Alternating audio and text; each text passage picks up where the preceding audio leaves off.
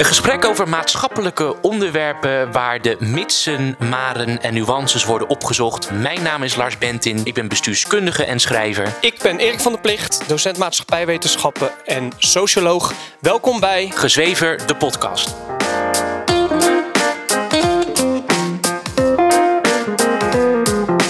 Moet hier echt heel erg van zuchten. Ja. En dat komt niet omdat ik niet vind dat het geen, geen belangrijke onderwerp of zo zijn.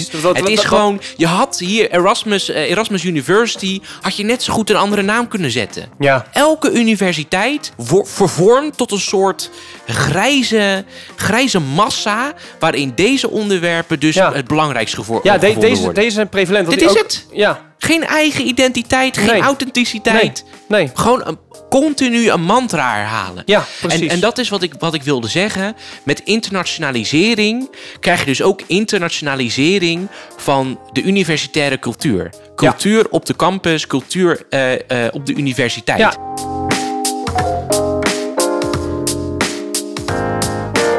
Goeiedag dames en heren, welkom bij een nieuwe aflevering van Gezweven de podcast.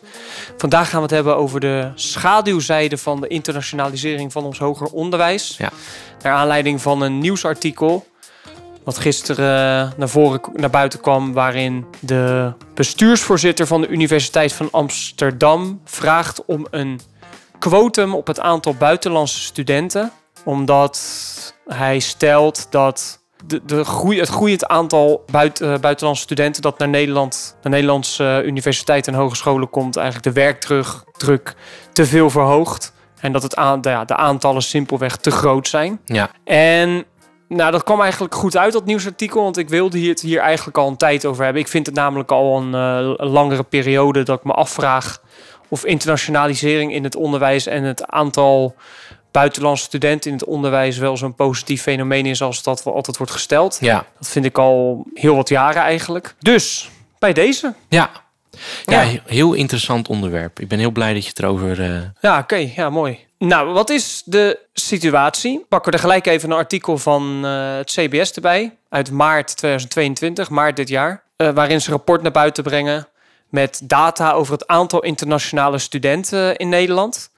En de titel van het artikel is 40% eerstejaars universiteit is internationale student. Dat is toch bizar? Veer, bijna de helft, dus echt. Ja, dat is bizar. Dus wat dat betekent is dat aan de universiteit, de eerstejaars studenten, daarvan is 40% komt uit het buitenland. Ja. En er staat verdere data in het artikel waarin we zien dat sinds 2005 het aantal internationale studenten bijna verviervoudigd is. En dat het nu zodanig is dat een vierde van het aantal studenten in het hoger onderwijs, in totaal dus, is een buitenlander. Dus komt uit het buitenland. Het is dus niet zo gek dat op een gegeven moment bestuursvoorzitters van universiteiten hun zorgen beginnen te uiten over het aantal internationale studenten dat naar Nederlandse universiteiten en hogescholen komt. Ja.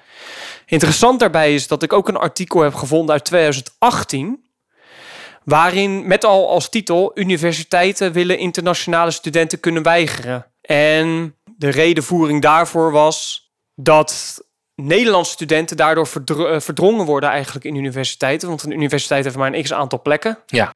En op een gegeven moment, uh, als er meer internationale studenten bijkomen, dan kunnen er minder Nederlandse studenten bij. En dat zie je dus bijvoorbeeld ook aan de Erasmus Universiteit gebeuren. Aan de Erasmus Universiteit zie je de afgelopen jaren dat het percentage Nederlandse studenten gestaag daalt.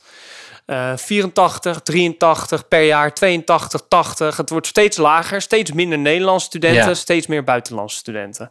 Dus die, die roep eigenlijk vanuit, uh, in dit geval de Universiteit van Amsterdam, maar er zijn ook bestuursvoorzitters van andere universiteiten die deze mening of de, delen eigenlijk. Mm Er is een probleem ontstaan. Er is een te, veel, een te groot aantal buitenlandse studenten dat naar Nederland komt en universiteiten willen die studenten kunnen weigeren. Ja.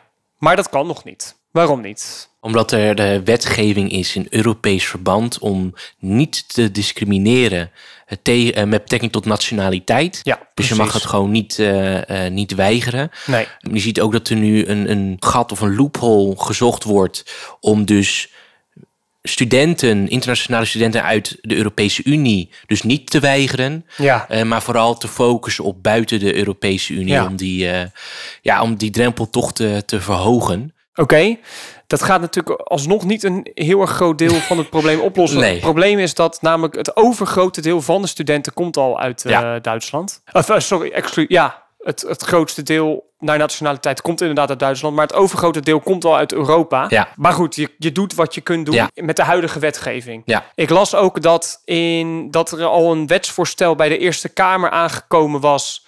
die het moeilijker maakt voor of makkelijker maakt voor het hoger onderwijs om buitenlandse studenten te weigeren. Maar onderwijsminister Robert Dijkgraaf heeft laten weten dat hij het wetsvoorstel nog even wil laten sudderen, zoals in het parool wordt genoemd. Want hij wil eerst een heldere visie uitwerken. Wat dat dan ook mag betekenen. Betekent dat betekent in politiek opzicht gewoon tijd winnen. Ja, precies. precies, precies. Oké, nou dat is het probleem. Ja. En wij kunnen uit onze eigen ervaring daar ook over meepraten. Wij begonnen te studeren in, even denken hoe lang geleden. Ik was 24, ging ik naar de universiteit. Dat is negen jaar geleden. Dus oh mijn god, 2013, 2014. Ja. Ja. 2013, 2014 kwamen, gingen wij, uh, begonnen wij met studeren. Nou, als we even de cijfers erbij kregen, toen um, studeerde er... Nou, in, lijkt wel bijna voor de helft of zo. Toen, ja, de helft aantal internationale studenten als wat we nu hebben. Ja. Bijna. En bij ons, wij, wij hebben het eigenlijk uh, zien gebeuren. Hè, dat, dat, dat bepaalde vakken op onze bachelor bestuurskunde dan geïnternationaliseerd werden. Dus die werden dan alleen in het Engels aangeboden. Bij ons waren het een paar vakken, drie, vier vakken of zo, kan ik me ja, eh, herinneren. En wij hebben onze universiteit, Erasmus Universiteit, daarom ook wel zien veranderen de, ja, heel de afgelopen jaren. Misschien ja, niet alleen, over vertellen. Ja, niet alleen uh, fysiek. De campus van de Erasmus Universiteit is uh, onherkenbaar. Ik was daar laatst nog. Uh, maar wat je dus ook ziet, zijn heel veel hubs. Allemaal van die Engelse woorden, die hippe Engelse woorden die overal worden gebruikt. Sustainability hub, diversity hub, ja. weet ik veel wat allemaal. Ja. Dus je, je ziet de, de, de, de publieke ruimte binnen de campus uh, is heel erg uh, geïnternationaliseerd. En wat je ook, want het was toen bij de informatiemarkt, zag je ook heel veel tentjes uh, voor internationale studentenverenigingen, studieverenigingen, tentjes voor internationale studenten aan zich. Ja. Zelfs steentjes voor specifieke nationaliteiten. Ja. Dus dat, ja, dat, dat zag je vroeger gewoon, gewoon niet. Um, en natuurlijk. Studenten, studentenverenigingen voor speciaal voor Chinese. Ja, Klopt, ja. Studenten? Ja, klopt. Wat, wat eigenlijk helemaal ingaat tegen het internationalistisch idee. Hè? Dat, daar gaan we het straks ook nog over hebben. Maar een van de argumenten die wordt gebruikt om, die werd gebruikt om internationalisering aan te, te wakkeren, als het ware, was. Dat is goed voor de internationalisering en, de, en van studenten. Ja. Van, dan, dan gaan komen ze met andere culturen en dergelijke in aanraking. Maar wat je vervolgens ziet gebeuren, is segregatie ook weer op de universiteit plaatsvinden. Ja. Ja. ja, en dus ook onderzoeken, onderzoeken bij universiteiten die dan aangeven dat internationale studenten zich vaak gediscrimineerd voelen door Nederlanders en geen ja, feeling, ja, klopt, ja. Uh, nee. feeling krijgen met de Nederlanders. Nee. Terwijl, nou goed, weet je, dat is, dat is een, een, een anekdote van, van, van mijn kant. Dus dat, ik, dat kan je natuurlijk niet groter maken dan, moet ik ook niet groter maken dan het is. Maar dat doen ze ook gewoon vaak zelf. Uh, het, is vaak als je de Duitsers zag je vaak bij de Duitsers. Ja, maar dat is uh, ja. Dus, maar dat is logisch. Je dat is menselijk. Hè? Dat, is menselijk. Dat is heel erg menselijk. Het is ook logisch dat als je in een ander land komt en je spreekt geen Nederlands, want dat is ook vaak het probleem. Vrijwel geen enkele internationale student spreekt Nederlands. Nee, nee. Ja, en het kost gewoon uiteindelijk, ja. dat, dat klinkt heel zwaar, maar het kost heel veel tijd en energie om met, om met elkaar dan in contact te komen en te blijven en te verdiepen. Als je als alternatief gewoon, gewoon hebt om in je moedertaal gewoon met elkaar te kunnen communiceren. Precies. Uh, en een gemeenschappelijke cultuur en achtergrond hebt. Ja, weet je. Precies. Het heeft niks met discriminatie te maken. Het heeft gewoon met menselijkheid inderdaad te maken. Precies. Dat jezelf ook heel erg goed zijn. Maar voordat we het over die culturele aspect, de, culturele, het culturele aspect gaan hebben, het culturele aspect gaan hebben, ja, dan zie je het al. Hè. Taal, uh, taalniveau gaat achteruit door internationaal onderwijs. Voordat we het over het, het culturele aspect gaan hebben, laten we eerst maar even het economisch aspect uh, bespreken. Ja. Voordat we verder gaan. Want dat is een argument wat sowieso tegen ons ingebracht gaat worden. Ja, maar internationale studenten leveren geld op. Ja. Nou, wij hebben daar bronnen voor opgezocht en dat blijkt inderdaad te kloppen. Ja. Het Centraal Planbureau heeft in 2019 in een rapport gesteld dat de internationale student inderdaad geld oplevert. En dan vooral de studenten uit niet-EER-landen. Die leveren uiteindelijk veel meer geld op dan wat ze kosten. Ja. En dat komt omdat dat uh, studenten zijn die blijven werken in Nederland. En dan vaak ook in de financiële sector en dergelijke. Dus daar veel geld verdienen en dus veel belasting betalen. Ja. En nog een ander onderzoek van het NUFIC, waarbij ik moet zeggen dat het NUFIC, dat is de Nederlandse organisatie voor internationalisering in het onderwijs. Dus die willen dat internationalisering werkt. Dus hun onderzoek moet je natuurlijk gelijk al een beetje met een korreltje zout nemen. Preken voor eigen parochie. Ja, precies. Die stelt dat de 25% van het aantal van de internationale studenten die is na vijf jaar nog in Nederland. 25%. Ja. En ook zij stellen dat uiteindelijk de internationale student geld oplevert. Waar dan met, met bedragen worden gegooid als dat de studenten die in het jaar 2021, 2022 instromen, de Nederlandse schatkist, naar verwachting uiteindelijk zo'n anderhalf miljard euro opleveren. Ja. Het is mij niet duidelijk hoe ze dat hebben berekend, maar dat is in ieder geval wat zij stellen. Ja, wat belangrijk om hierbij te stellen is dat het, het, percentage wat dus nog blijft na vijf jaar, als je de grafiek bekijkt, zul je ook uh, voor de luisteraars via de link uh, die we aan toevoegen bij deze aflevering, ja, dat ook website, zien. Inderdaad, ja. uh, zie je dat het gewoon nog steeds dalende is. Het is wel iets aan het stabiliseren, maar het blijft, aan het, het blijft dalen. Dus um, een, dalende, een dalende trend na vijf jaar, dus dat stopt daar niet bij. Dus het wordt langer. Ja, ja precies. Hoe verder in de toekomst, hoe minder ja. studenten uiteindelijk. Ja, blijven. En dan zie je ook nog dat studenten aan, uit uh, de EER-landen, die daar blijven er minder van dan studenten uit niet-EER-landen. En dat is op zich logisch. Als je namelijk in de EER bevindt, dan kun je makkelijker reizen tussen verschillende landen. Ja. En als je niet uit, uit het niet-EER-gebied komt, Ja. dan is het moeilijker om heen en weer te reizen enzovoorts. belangrijk voor de luister om te weten dat eh EER is de eh, Europese economische ruimte. Ja, precies. Dus denk maar gewoon Europa ja, hoofd. precies. Ja, inderdaad. Dus klopt. Ze leveren uiteindelijk geld op. Maar goed, als alles wat geld oplevert, eh, dan als, als dat de enige leidraad zou moeten zijn in beleid, dan kun je hele foute dingen doen om Ja. geld te verdienen. Dan zullen we ook nu maar meteen gelijk weer de Groningen ga- gasveld kunnen aan gaan boren.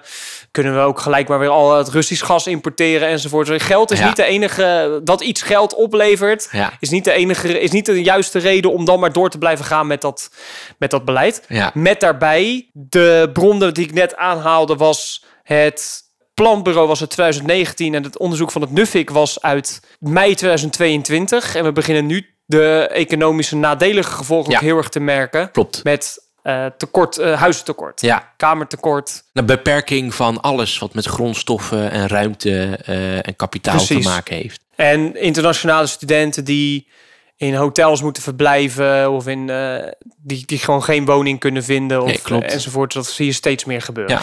Plus daarbij natuurlijk Nederlandse studenten die niet kunnen, die de kamers die internationale studenten innemen niet kunnen gaan bewonen. Ja, ja, klopt. Ja. En daarbij ook nog eens een keertje dat internationale studenten, naar mijn idee, maar dat weet ik niet zeker, maar dat is wel het idee wat ik krijg als ik naar internationale studenten kom, kijk, vooral uit financieel gegoede gezinnen komen, Ja. die dus kapitaalkrachtig zijn en dus hun kind in dure huizen kunnen laten zitten, die Nederlanders dan vervolgens weer niet kunnen krijgen. Enzovoorts. Ja. Nou, dus eh, economisch klopt. Het levert uiteindelijk, tenminste als we deze onderzoeken moeten geloven, meer geld op dan ja, of het geld oplevert, zegt niet of Maar het dat- goed is. Dat, Precies, dat, nee, ja. precies. Dat is inderdaad ons punt. Dus het levert geld op, maar De nadelige gevolgen die daaraan eh, te pas komen, eh, zijn niet zo heel goed kwantificeerbaar. nee, precies. en dat is vaak ook al gelijk, dat- gelijk ja. weer het probleem. Dat is, eh, dat is heel moeilijk, maar met enige common sense en logica is het,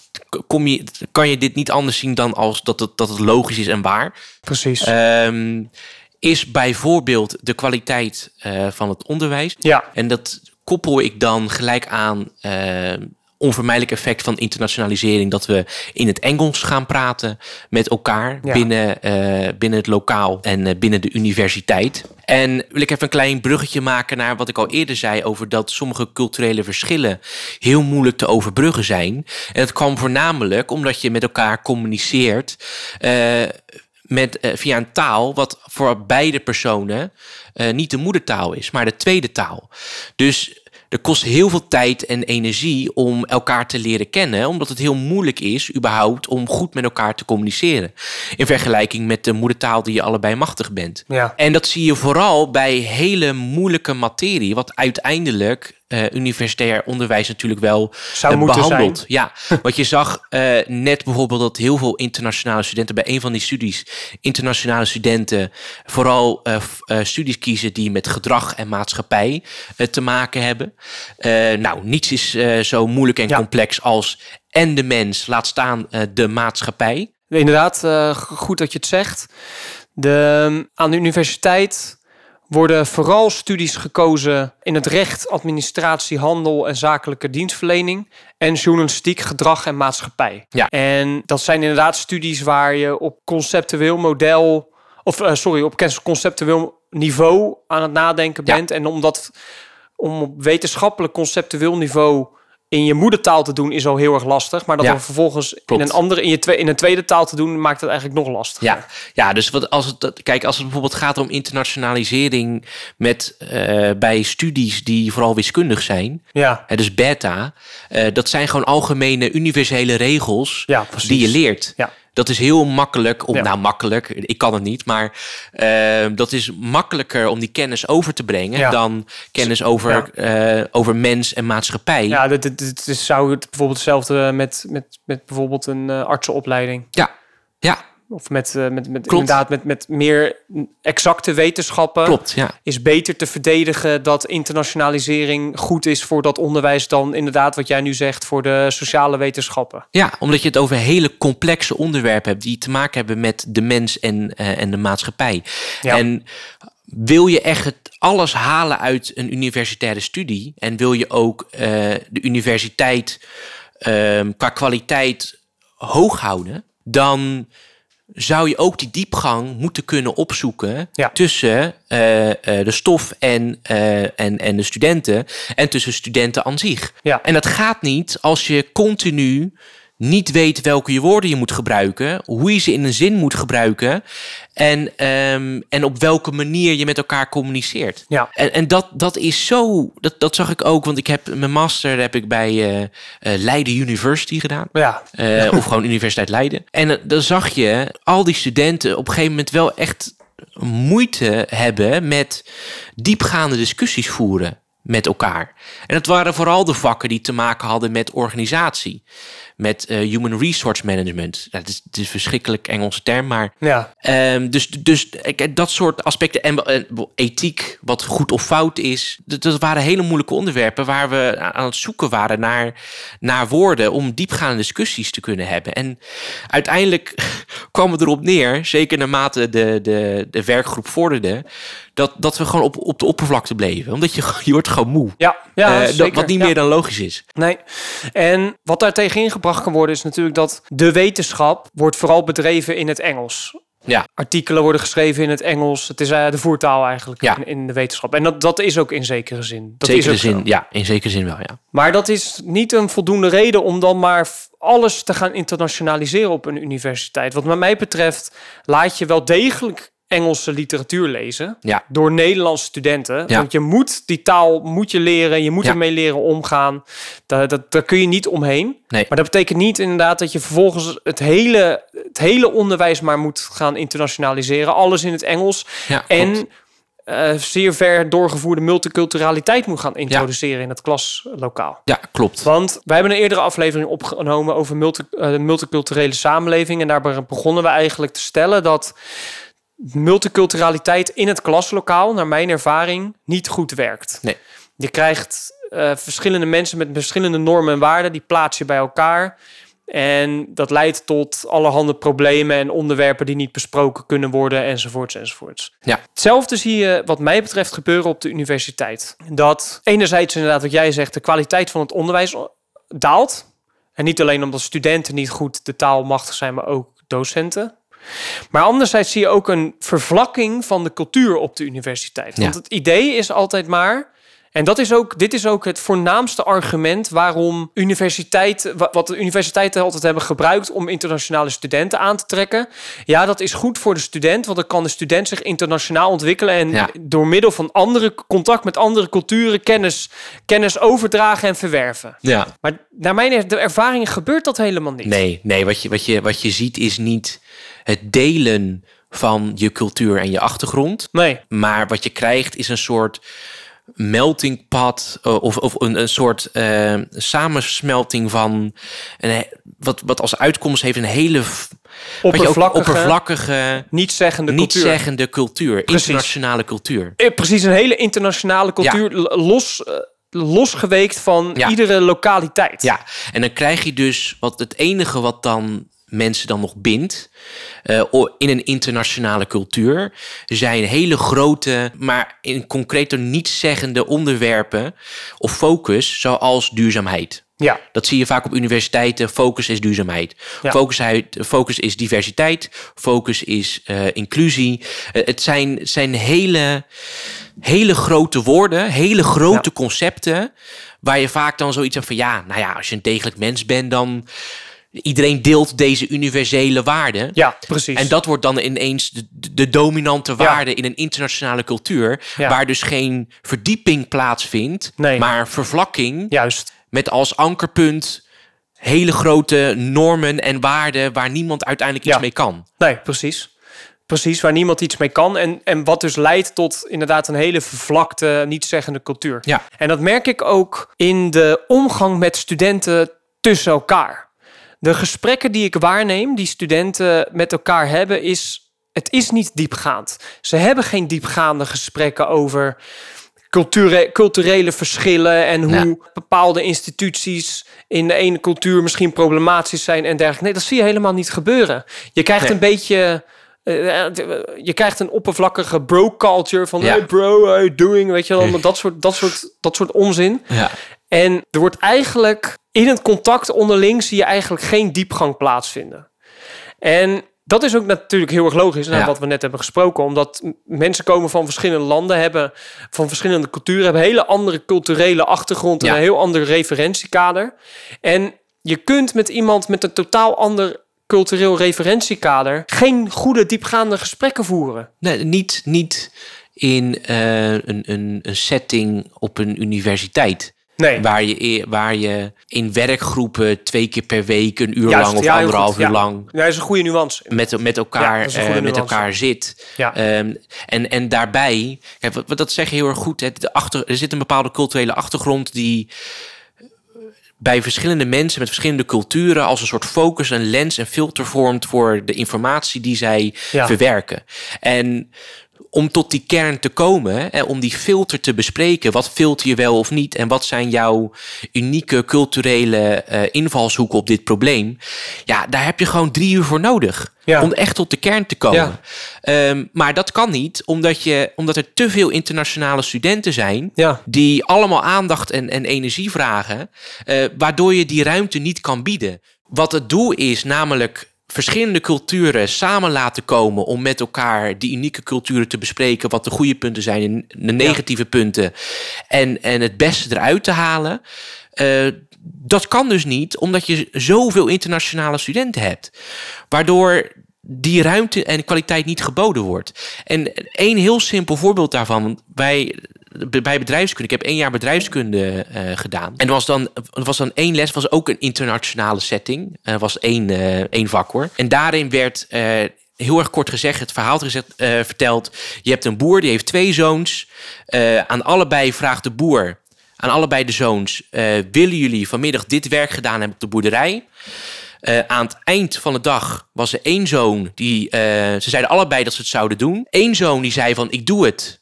En die deed het uiteindelijk niet. Ja. En die andere zoon zei: Ik doe het niet. En die heeft het, en die heeft het uiteindelijk wel gedaan. Ja. En dan is de vraagstelling: welke van de twee zoons heeft het juiste gedaan? Ja, precies. En dan zag je dat de, de studenten van vooral Oosterse culturen eh, vonden dat de persoon die zei ja, maar uiteindelijk niet had gedaan, de juiste persoon was of het juiste gedrag vertoonde. Juiste keuze had gemaakt. Ja. En dan de persoon, nou ja, en, ja, ja, dus, de westerse, dus die andere persoon. Ja. Omdat die vonden, nou je, in publieke setting zeg je wat die ander graag wil horen. Ja. Wat de uiteindelijke uitwerking is, dat maakt dan niet uit. Ja. En dat is dan heel erg, dat is zo ontiegelijk interessant. En toen gingen we naar de volgende uh, dia. Ja. Volgende onderwerp. Ja. Oké, maar wat doen we hier nu mee? Er niets mee gedaan. Nee. Nee. dus dat, ik bedoel, ja. In potentie kan het dus heel interessant en goed zijn en die diepgang op kunnen zoeken. Maar het gebeurt in de praktijk. Maar het gebeurt in de praktijk. En dat is, dus ook mijn, dat is dus ook wat ik probeer duidelijk te maken. Inderdaad, dat idee dat studenten dan met elkaar gaan praten over culturen en elkaar gaan socialiseren en zo is hartstikke mooi. Ja. Maar dat is net als met de multiculturele samenleving, het gebeurt niet. Nee. Het gebeurt simpelweg niet. Wat je ziet gebeuren is segregatie. Mensen zoeken elkaar op. Hartstikke logisch. En wat je eigenlijk introduceert zijn duizenden studenten uit het buitenland die hun wortels kwijtraken en in een land komen waar ze totaal geen wortels mee hebben en eigenlijk richtingloos maar gaan studeren en rondlopen zonder dat ze verbindenis hebben met het land waar ze wonen. Ja, dat, dat, was, dat was eerste setting. Want dit is een heel goed bruggetje die je maakt naar het volgende probleem. Ja. Het zijn wortelloze studenten ja, die zich niet gebonden voelen of thuis voelen in het land waar ze in zijn. Ja. Maar wat je dus nu ziet, is dat die internationale studenten uh, zeker op universiteiten, ja, ineens gaan bepalen hoe de, uh, hoe de instituten eruit moeten komen te zien. Hoe ze ingericht zouden moeten zijn. En wat de normen en waarden zouden moeten zijn op een universiteit. Uh, dus dan krijg je ineens die, die, die hele focus op die diversity en inclusivity. En ja. alles moet daaromheen ja. gebouwd zijn. Ehm, eigenlijk zou de Nederlandse taal nog ineens meer moeten zijn. Want dat, dat werkt exclusief. Ja. Uh, Nederlandse voertaal. Als ja. we bijvoorbeeld eens naar LinkedIn gaan en we zoeken daar de Erasmus Universiteit op, dan is het heel duidelijk, uh, wordt het hoogstwaarschijnlijk duidelijk naar wat, wat jij bedoelt. Waar zij zich, als ze communiceren naar de buitenwereld, eigenlijk op richten. Ah, hier gaan we.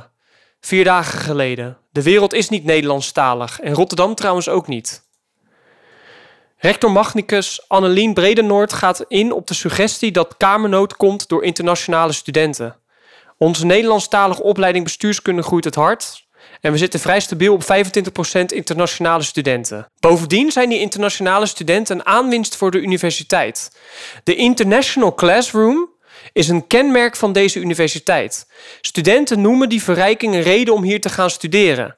We hebben trouwens ook 178 nationaliteiten onder ons personeelsbestand. De wereld is niet Nederlandstalig en Rotterdam trouwens ook niet. Hier zie je dus al doorschemeren dat, het, dat het als iets heel erg positiefs wordt gezien dat er zoveel internationalisering is. En het wordt ook gezien, het is ook een kenmerk van waarom studenten hier gaan studeren. Ja, dat snap ik. Als je uit het buitenland komt, dan ga je naar een student, universiteit waar al andere internationale studenten lopen. Tot nu toe zie ik eigenlijk ook vrouwen, eigenlijk vrouwen, vrijwel alleen maar vrouwen op de foto staan uh, die de Erasmus Universiteit deelt. Dat is al een hele tijd het geval. Ja, er moet uh, meer dan 100 jaar gecompenseerd worden. Hè? Dus dan. Uh... Precies, hier ook weer. De Eureka Week is meer dan feesten. We willen dat iedereen zich thuis voelt, inclusiviteit. Ze bemoeien zich met het uh, maatschappelijk probleem uh, in ter, ter Apel. Dit is hoe kapitalisme onze economie verpest.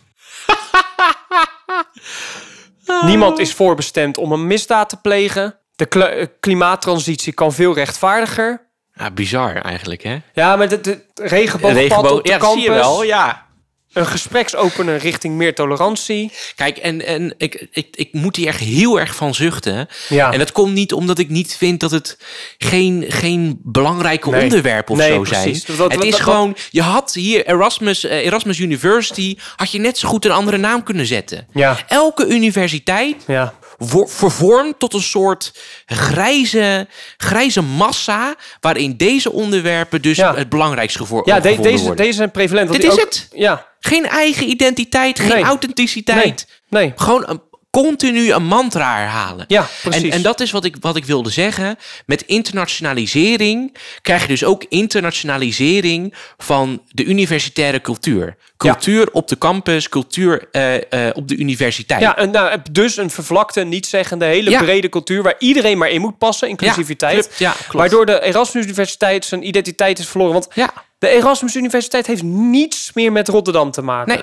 Het, de, toen ik uh, bestuurskunde studeerde samen met jou, heb ik stage gelopen bij gemeente Rotterdam bij de afdeling die zich onder andere bezighoudt met onderwijs. En toen was mijn stagebegeleider, die zei al dat hij een van de problemen van de uh, Erasmus Universiteit vindt, dat de universiteit zich zo ver buiten de stad bevindt. Ja. Dat ten opzichte van uh, Leiden en, uh, en Amsterdam. En dat dat dus al een probleem is voor de, voor de identiteit van de Erasmus Universiteit. Maar nu heeft het niets meer, het Erasmus Universiteit heeft niets meer met Rotterdam te maken. Nee, maar dat, dat is ook die uiting inderdaad van die internationale cultuur.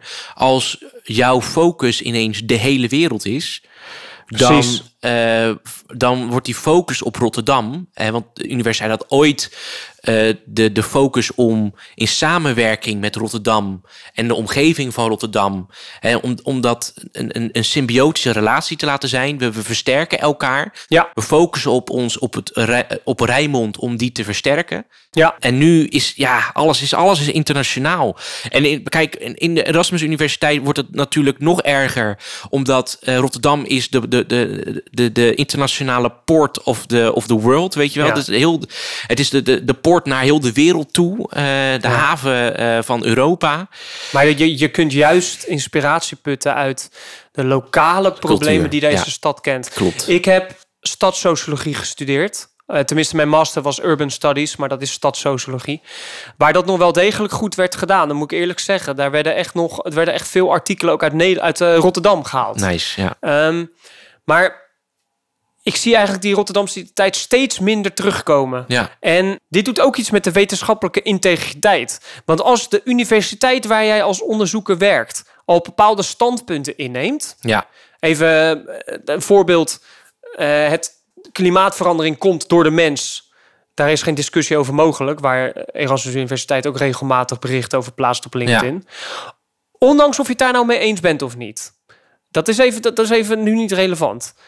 Als jij onderzoeker bent en jij doet onderzoek en jij vindt iets wat tegen dat idee ingaat, dat klimaatverandering door de mens komt, ja. dan kun je dat niet publiceren, want je werkt op een universiteit waar al is besloten dat dat zo is. Ja, klopt. Ja. En dus hetzelfde als um, vegetarisch eten. Stel je voor, jij komt er als onderzoeker achter dat de vleesindustrie, ook al is de vleesindustrie ethisch, wat mij betreft, uh, kun je daar heel veel vraagtekens bestellen of dat wel goed is of niet, hoe we met dieren en dergelijke omgaan. Stel je voor, je komt er als achter dat volledig van vlees afstappen eigenlijk helemaal niet mogelijk is de komende 20, 30, 40, 50 jaar. Of niet goed voor je is. Of niet goed voor je is bijvoorbeeld, dan kan je dat niet publiceren, want de universiteit heeft al besloten dat vlees eten slecht is. Nou ja, dat, inderdaad, dat klopt. Uh, internationalisering zorgt inderdaad voor die internationale cultuur. Dat zorgt voor die. Uh, en die internationale cultuur heeft een focus op die onderwerpen: duurzaamheid, uh, milieu, diversiteit en inclusie. Ja. Als dat de dominante cultuur wordt op een universiteit, zal de focus van die universiteit, ook qua uh, onderzoek, et cetera, zou daar onderhevig aan moeten zijn. Ja. Want dat, dat krijg je natuurlijk van ja, maar we zijn toch een internationale universiteit. We vinden het toch zo belangrijk, uh, duurzaamheid, dit en dat. Dan moeten wij toch ons vooral richten op het bevorderen van nou, weet ik veel, noem maar wat. Ja, van diversiteit, van diversiteit ja. enzovoorts. Ja, dan, dan, weet je, dan, dan creëer je problemen voor jezelf. Inderdaad ook met die integriteit, maar ook die onderzoeksvrijheid die dan in het geding komt uh, uh, op zo'n universiteit. Ja, en wat jij nu zegt, te creëer je problemen voor jezelf, dat is uiteindelijk ook hoe dit hele interna internationalistisch inclusiviteitsbeleid zichzelf in de voet schiet. Want dat zie je nu dus gebeuren. Want wat is de reden dat, je hebt het net al uitgelegd, dat universiteiten geen buitenlandse studenten mogen weigeren? De reden is dat dat niet mag, omdat dat dan discriminatie is. Dus iedereen moet geaccepteerd worden, waar je ook vandaan komt enzovoort. Wat je, welke taal je ook spreekt. Je, moet, je mag niet geweigerd worden. Nee. En dat levert nu een probleem op, want nu keert het om. Krijgen, krijgen we te veel internationale studenten. Ja. En dan krijg je problemen ja. met huisvesting, cultuur, ja, klopt. werkdruk enzovoorts. Ja. Dus het laat ook weer goed zien dat niet mogen discrimineren Terwijl discrimineren soms een heel erg nuttig middel kan zijn om bepaalde problemen te voorkomen en dergelijke. Niet kunnen discrimineren leidt uiteindelijk tot problemen. Ja, klopt. Tot duidelijk zichtbare problemen. Ja. En ik ben heel erg benieuwd ook hoe mensen die juist die internationalisering en juist die diversiteit zo aanwakkeren en dat, dat promoten en denken dat dat goed is voor de, voor de onderwijskwaliteit enzovoort enzovoort. Hoe zij hier dan op reageren. Ja, ja, ja klopt. En, en, en daarnaast, ja, diversiteit heeft als idee het samenkomen van verschillende culturen en respectvol met elkaar leven en van elkaar leren. Ja. En je leert niks van elkaar als je eh, een, een, een soort grijze massa hebt waar, nee. waar ook omdat er zoveel studenten zijn, je ook een beetje geanonimiseerd leeft. Ja. Je, hebt, je hebt geen daadwerkelijk authentiek contact met elkaar. Laat staan nee tussen culturen. Nee, en dat, en dat komt omdat er segregatie plaatsvindt op de universiteit. Omdat iedere, ieder buitenlandse student die kan wel andere buitenlandse studenten van dezelfde nationaliteit vinden. En die gaan dan vervolgens met elkaar om. Ja, en dus krijg je studentenverenigingen speciaal gericht op, eh, op Aziaten, op, de, op Oost-Europeanen, die heb je ook, enzovoort. En dat is hetzelfde met, laat ik een heel concreet klein voorbeeld nemen in het onderwijs. Als je in het onderwijs een klas hebt, een goed functionerende klas, en je wil, je wil een persoon met straatcultuur introduceren in een goed functionerende klas, dan moet je één persoon met die echt straat, hardcore straatcultuur aanhangt, ja. introduceren in de klas, zodat de rest van de klas hem kan incorporeren en socialiseren. Ja. Zodra dat er twee worden, of drie, of vier, of vijf, of zes, ja dan heb je een probleem. Ja, klopt. Want die gaan dan vervolgens bij elkaar klitten en die gaan vervolgens hun eigen cultuur blijven ze, blijven ze uh, bevestigen. bevestigen en, en blijven ze mee doorgaan. Ja. En dat is hetzelfde als hier. Ja, klopt. Ja. Internationale studenten kan als je er veel minder klopt. per jaar introduceert, die ook vervolgens, want dat is nu ook de wens, waar je ook vervolgens bepaalde eisen aan kunt stellen. Zoals bijvoorbeeld een inburgeringsexamen. Mijn vriendin die wil in Nederland komen wonen, die moet een inburgeringsexamen doen. Internationale studenten niet. Ja, omdat ze geld opleveren. Ja, nou, dat is, dat is bijna wel, wel denk ik. Ja. dat is vaak wel het idee. Ja, ja. Stel, het zou echt een heel goed idee zijn als universiteiten eisen mogen gaan stellen aan de buitenlandse studenten. Ja, en 25% vind ik sowieso echt te veel. Ik zou, te veel. Niet, ik, zou niet, ik zou niet hoger dan 10% gaan. Echt niet. Nee, ja, dat, dat, dat is een beetje een artificieel nummer. Ik, ik, ja, ik, weet het. Ik weet het niet precies. Dus de internationale student, of tenminste internationalisering, wordt uh, gepredikt als uh, fantastisch, mooi, verrijkend.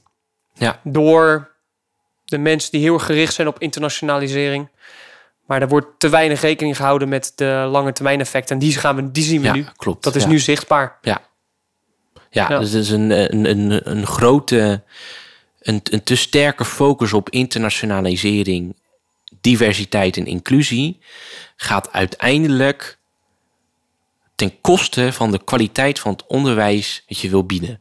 Als kwaliteit van het onderwijs niet numero uno is op jouw prioriteitenlijstje, ja, dan gaat het fout. Dan gaat het gewoon fout. Ja, dan en is dat, het dat, dat, dat, precies. Ben ik het we, hebben het, we hebben het ook al vaak over gehad dat de toegankelijkheid van het hoger onderwijs überhaupt al, ja. al uh, te groot is. Ja. Is, de, is, is de uni, moeten universiteiten niet veel exclusiever worden? Ja. Zijn ook, de laatste tijd uh, zie je daar ook wat meer artikelen over op, ja. opkomen, inderdaad. Ja. Dat is wel weer een andere discussie. Maar de, inderdaad, kwaliteit van onderwijs zou aan de top moeten zou, zou het allerbelangrijkste moeten zijn. En als een bestuursvoorzitter van de Universiteit van Amsterdam zegt dat, dat het kwaliteit van onderwijs onderuit gaat, omdat te veel werkdruk, te veel studenten, te veel, gewoon te veel. Ja. Dan heb je echt een probleem. Ja. En de hoogste prioriteit zou moeten gaan naar de Nederlandse student. Ja, de Nederlandse, alle Nederlandse mensen die zouden moeten, of die, die in de huidige regelgeving zouden kunnen studeren, omdat ze een VWO-diploma hebben gehaald of een HAVO-diploma, die zouden naar een hogeschool of universiteit moeten kunnen. Ja.